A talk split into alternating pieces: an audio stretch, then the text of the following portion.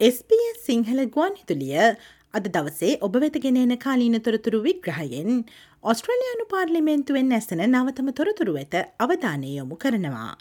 සතිතුනක විවේකයකින් පසු ෆෙඩරල් පාර්ලිමේන්තු මන්ත්‍රීවරුන් නැවත කැන්බරා වෙත පැමිණ ඇති අතර ඉදිරි දෙසතිය තුළ පාර්ලිමේන්තුවේදී රැකියල් සම්බන්ධ ගැටලු සහ ජීවන වියදම් පීඩනය යන මාතෘකා පිළිබඳව අවධානය යොමු කරනු ඇතැයි අපේක්ෂා කෙරෙනවා. සිදු කරන නව වෙනස්කම්මකින් කුලී පදනම මත සේවය කරන ශ්‍රමිකෑන්ට එමාකාරයම රැකියාවක රුජුවේදී සිටින සේවකයින්ට සමාන වැටුපක් ලබාදීම සහතික කිරීමට ඔස්ට්‍රලයානු රජය බලාපොරොත්තු වනවා. අද අපගේ දවසේ කාලින තොරතුරු විග්‍රහයෙන් මේ පිළිබඳව වැඩිතුර තොරතුරු ඔබ වෙතකනේමට අප බලාපොරොත්තු වනවා. ඔස්ට්‍රලයානු පාර්ලිමේන්තුව නැවතත් කැන්බරාහිදී රැස්ව ඇති අතර මෙවර වගවීම පිළිබඳව ඔවුන් අවධානය යොමු කරනු ලබනවා. දේශපාලන පරිත්‍යාග යාවත්කාලීනව වාර්තා කිරීම අවශ්‍යයයි කියන පුද්ගලික සාමාජිකයන්ගේ පනතක් මෙහිදී පළමුුව සාකච්ඡාවට ගැනුණා. එමගින් දේශපාලන පරිත්‍යාග හෙළි දරව් කිරීමේ සීමවාඩු කරන අතර එය පොදුරාජ්‍ය මණ්ඩලීය මැතිවරණ සංශෝධන පනත් කෙටුම් පත ලෙස හඳුන්වනු ලබනවා. මෙම නව කෙටුම් පතමකින් දේශපාලනයේදී මුදල් ගලායාම විනිවිතව පෙනෙනු ඇතැයි දකුණු ඔස්ට්‍රලයානු ප්‍රාන්තයේ පාර්ලිමෙන්තු මන්ත්‍රණී රෙබෙකා ශාකී පවසනවා. පවතින රෙගුලාසි යටතේ ඔස්ට්‍රලයානුවන්ට පසුගේ ෆෙඩරල් මැතිවරණයේදී චන්දය ප්‍රකාශ කිරීමෙන් පසු පරිත්‍යාගශීලීන්ගෙන් අපේක්ෂකයින් දක්වා මුදල් ගලායන ආකාරය දැනගැනීමට මාසනමයක් බලා සිටීමට සිදුවනා. උදාහරණයක් ලෙස ඔන්ලයින් සූදුව සම්බන්ධයෙන් වගකීම් දරන සංනිවේදන අමාත්‍යවරිය විපක්ෂයේ සිටියදී ඩොල දහනම දාහක පමණ පරිත්‍යාග මුදලක් ලබාගත් බව චන්දදායකින් මැතිවරණයට පෙරදැන නොසිටි බව ඇය වැඩිදුරටත් පෙන්වා දුන්නා. Under existing regulations, Australians had to wait nine months after they voted in the last federal election to be able to follow the money from candidates, from donors. Um, from donors to candidates due to our lax political donation reporting requirements. And this means, for example, that voters did not learn before the election that the Minister for Communications uh, with responsibility for online gambling received cash donations of around $19,000 while she held the shadow portfolio. මේ අතර සේවාස්ථානයේ වගවීම සම්බන්ධයෙන් සාකච්ඡා කිරීමට කම්කරු පක්ෂයේ වැඩි අවධානයක් යොමුව තිබෙනවා.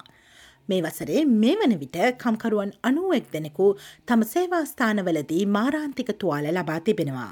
මේ හේතුවෙන් සේවාස්ථාන සඳහා පොදුරාජ්‍ය මණ්ඩලීය සෞඛ්‍ය සහ ආරක්ෂණ නීති යටතේ වැඩබිමේදී සිදුවන මනුෂ්‍ය ඝාතන අපරාධ මේ වරදක් බවට පත් කිරීමට යෝජනා කරන කාර්මික සම්බන්ධතාක් පනත් කෙටුම් පතක් ආණ්ඩුව විසින් ඉදිරිපත් කරනු ලබනවා. මේ අතර ගික් ඉකොනොමි හෙවත් පූර්ණකාලීන ස්තිර සේවකයින්ට වඩා තාවකාලික සහ අර්ධකාලීන තනතුරුවලින් සමන්විත ස්වාධීන කොන්ත්‍රාත්කරුවන් මත දැඩිල සනදා පවතින ශ්‍රමවලද පොලේ ස්වාධීන කොන්ත්‍රාත්කරුවන් සඳහා අවම ප්‍රමිතින් සැකසීමට අපේක්ෂා කරන පනතක්ද රජ විසින් හඳුන්වා දෙනු ලබනවා.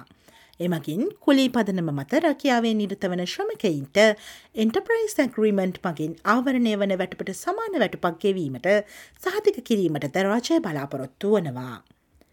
එම නීති මකින් සමාගම්වලට කුලිශ්‍රමිකයින් භාවිතා කිරීමට අපහසු වනු ඇති බවත් ඇතැම් අයට මිල ඉහළ දැමීමට සිදුවේ හැකි බවත් ව්‍යාපාරික කණ්ඩායම් විසින් පෙන්වා දෙනවා. ඔස්ට්‍රලයානු මන්තමරාජයේ විපක්ෂයද එය වැරදි ප්‍රවේශයක් වනු ඇති බවට විශ්වාස කරන බව ඩිජිටල් ආර්ටිකේ පිළිබඳ විපක්ෂයේ ප්‍රකාශක පෝල් ෆ්ලෙෂ පවස්සනවා. Australians might rightly ask why is this very long bill being introduced today and then the Parliament required to debate it as early as tomorrow. This is nothing less than a legislative smash and grab raid. විපක්ෂයේ මෙම අවධානයන් නොතකා මෙම පනත් කෙටුම් පත පහළමන්ත්‍රණ සභාව හරහා ඉක්මනින් සම්මතුවනු ඇතැයි අපේක්ෂා කෙරෙනවා. ඔස්ට්‍රලයානු federal රජයේ රැකයා සම්බධතා පිළිබඳ මාත්‍ය ටෝනි බර්ග් පවසන්නේ මෙම වෙනස්කම් සේවකයින්ගේ ජයග්‍රහණයක් වනු ඇති බවයි. වඩා හොඳ රැකයා සුරක්ෂිත භාවයක් සහ වඩා හොඳ වැටුපක් මින් අදහස් කෙරෙන බව ඔහු පෙන්වා දුන්නා. It means better job security. It means better pay. It means finally as well for the businesses that have had unfair competition where they're competing against a business that's willing to exploit these loopholes, they know that they're back to a level playing field. නමුත් සැනත් මටලේ ස්වාධීන මන්ත්‍රීවරුන් විසින් මෙම වෙනස්කම් සඳහා කෙසේ ප්‍රතිචාර දක්වයිද යන බව තවමත් නිශ්ිත වී නැහැ. පවතින තත්ත්වයන් තුළ මෙම පනත් කෙටුම් පත ඉහළ ප්‍රමුඛතාවයක් ලෙසට නොසලකන බව ස්වාධීන සෙනෙට් සභික ජැකි ලැම්බී පවසනවා. When you tell us and take advisors off us, and in the same breath you're telling me you're going to beef up the library, that is rubbish. You have not done that to the point where the library's not even coming back with the stuff that we need. They're giving us links to go to send back to our advisors to go look at the research themselves. That's where we're at this morning. So we're considerably under the pump. So I can tell you the last thing I'm thinking about is those IR bills this week when I've had 14 pieces of legislation since lunchtime Thursday to get through in the last 72 hours. මෙවැනිම වූ අදහසක් දරන්නේ senate සභික ජැකි ලැම්බී පමණක් නොවෙයි. ඩේවිල් ෂූබ්‍රිජ් විසින්ද රජය සතු ගුවන්යානාවලින් බදුගෙවන්නන්ගේ අරමුදල් අනුග්‍රහයෙන් සිදු කළ සංචාර පිළිබඳව වැඩිදුර තොරතුරු අවශ්‍ය බව කියා සිටිනවා.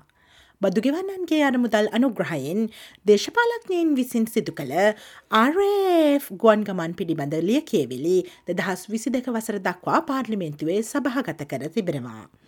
ආරක්ෂික මාත්‍ය රිචඩ් මාල්ස්ගේ කාර්යාලය ජාතික ආරක්ෂක හේතුන් මත එමතොරතුරු නිකුත් කිරීම ප්‍රතික්ෂේප කර ඇති නමුත් සැනත් සභික ශූබ්‍රිජ් පවසන්නේ එය පදනම් විරහිත බවයි. ආරක්ෂක අමාත්‍යවරයා පසුගේ මාස දොළහක කාලයක් තුළ විශේෂ කාර්ය ගුවන් ගමන් සඳහා ඩොල මිලියන තුනයි දශම හයක් පමණ වැයකොට ඇති බවත් ඔහු සහ ඔහුගේ කාර්යාලය එම ගුවන් ගමන් පිළිබඳ තොරතුරු හෙළිකිරීම ප්‍රතික්ෂේප කිරීමේ ප්‍රධාන කණ්ඩායමක් වන බවත් ඔහු පවසනවා. ග්‍රීන්ස් පක්ෂය එය පිළිගැනීමට සූදානම් නොවන අතර එමලිය කියවිලි මුදා හැරීමට ඔවුන් සැනට් බල තලභාවිතා කරන බව ඔහු කියා සිටියා. The Defence Minister has managed to take some $3.6 million of special purpose flights in just over 12 months in the job. He and his office were a key part of refusing transparency on the details of those flights. The Greens don't accept the security argument that some pattern of life will be disclosed by telling us where the Deputy Prime Minister and the Defence Minister flew 12 months ago. We will be using the Senate powers to force release of those documents. මේ අතර Nationals පක්ෂයේ පාර්ලිමේන්තු මන්ත්‍රී Bridget මැකැන්සි විසින් කටාරයාවේ සමාගම මගින් ඔස්ට්‍රලියාවේ ප්‍රධාන නගර සඳහා අතිරේක ගුවන් ගමන් ලබාදීම ප්‍රතික්ෂේප කිරීමට ඔස්ට්‍රලයානු මධ්‍යමරජයගත් තීරණය පිළිබඳව පරීක්ෂණයක් ලබා ගැනීමට සලසුම් කර තිබෙනවා. අමතර කටාර් ගුවන් ගමන් මකින් ගුවන් ගමන් ගාස්තු අඩු කිරීමට සහ ඔස්ට්‍රලයානු සංචාරක කර්මාන්තය නංවාලීමට හැකියාවක් තිබූ බවද ඔහු පෙන්වා දෙනවා. Australians want an aviation industry that is affordable, that's reliable, and that is safe. And right now, that's not what they're getting. We need to get to the bottom of it because heaven knows the Labor Party doesn't know what to, it's doing with aviation. ඔස්ට්‍රලියාවේ පාර්ලිමේන්තුව ඉදිරි දෙසතිය තුළ රැස්වීමට නියමිතයි.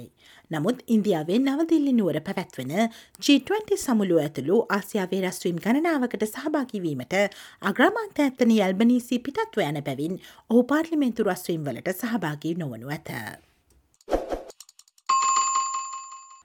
ඔස්ට්‍රලයානු දේශපාලන ශ්‍රේත්‍රයේ අලුත්ම තොරතුරු SBS Sinhala සේවය විසින් දෛනිකව ගෙනෙන කාලින තොරතුරු විග්‍රහයෙන් සචීව ලෙස අපි ඔබ වෙත ගෙනෙනවා. පසුව සවන් දෙන්න SBS.com.au/ සිංහල යන අපගේ වෙබ් අඩවිය ඉහළ තීරුවේ ඇති මාතෘකායන කොටස කලික් කොට කාලීන ලෙස නම් කොට ඇති වෙබ් පිටුවට පිවිසන්න. SBS SBS SBS SBS SBS Radio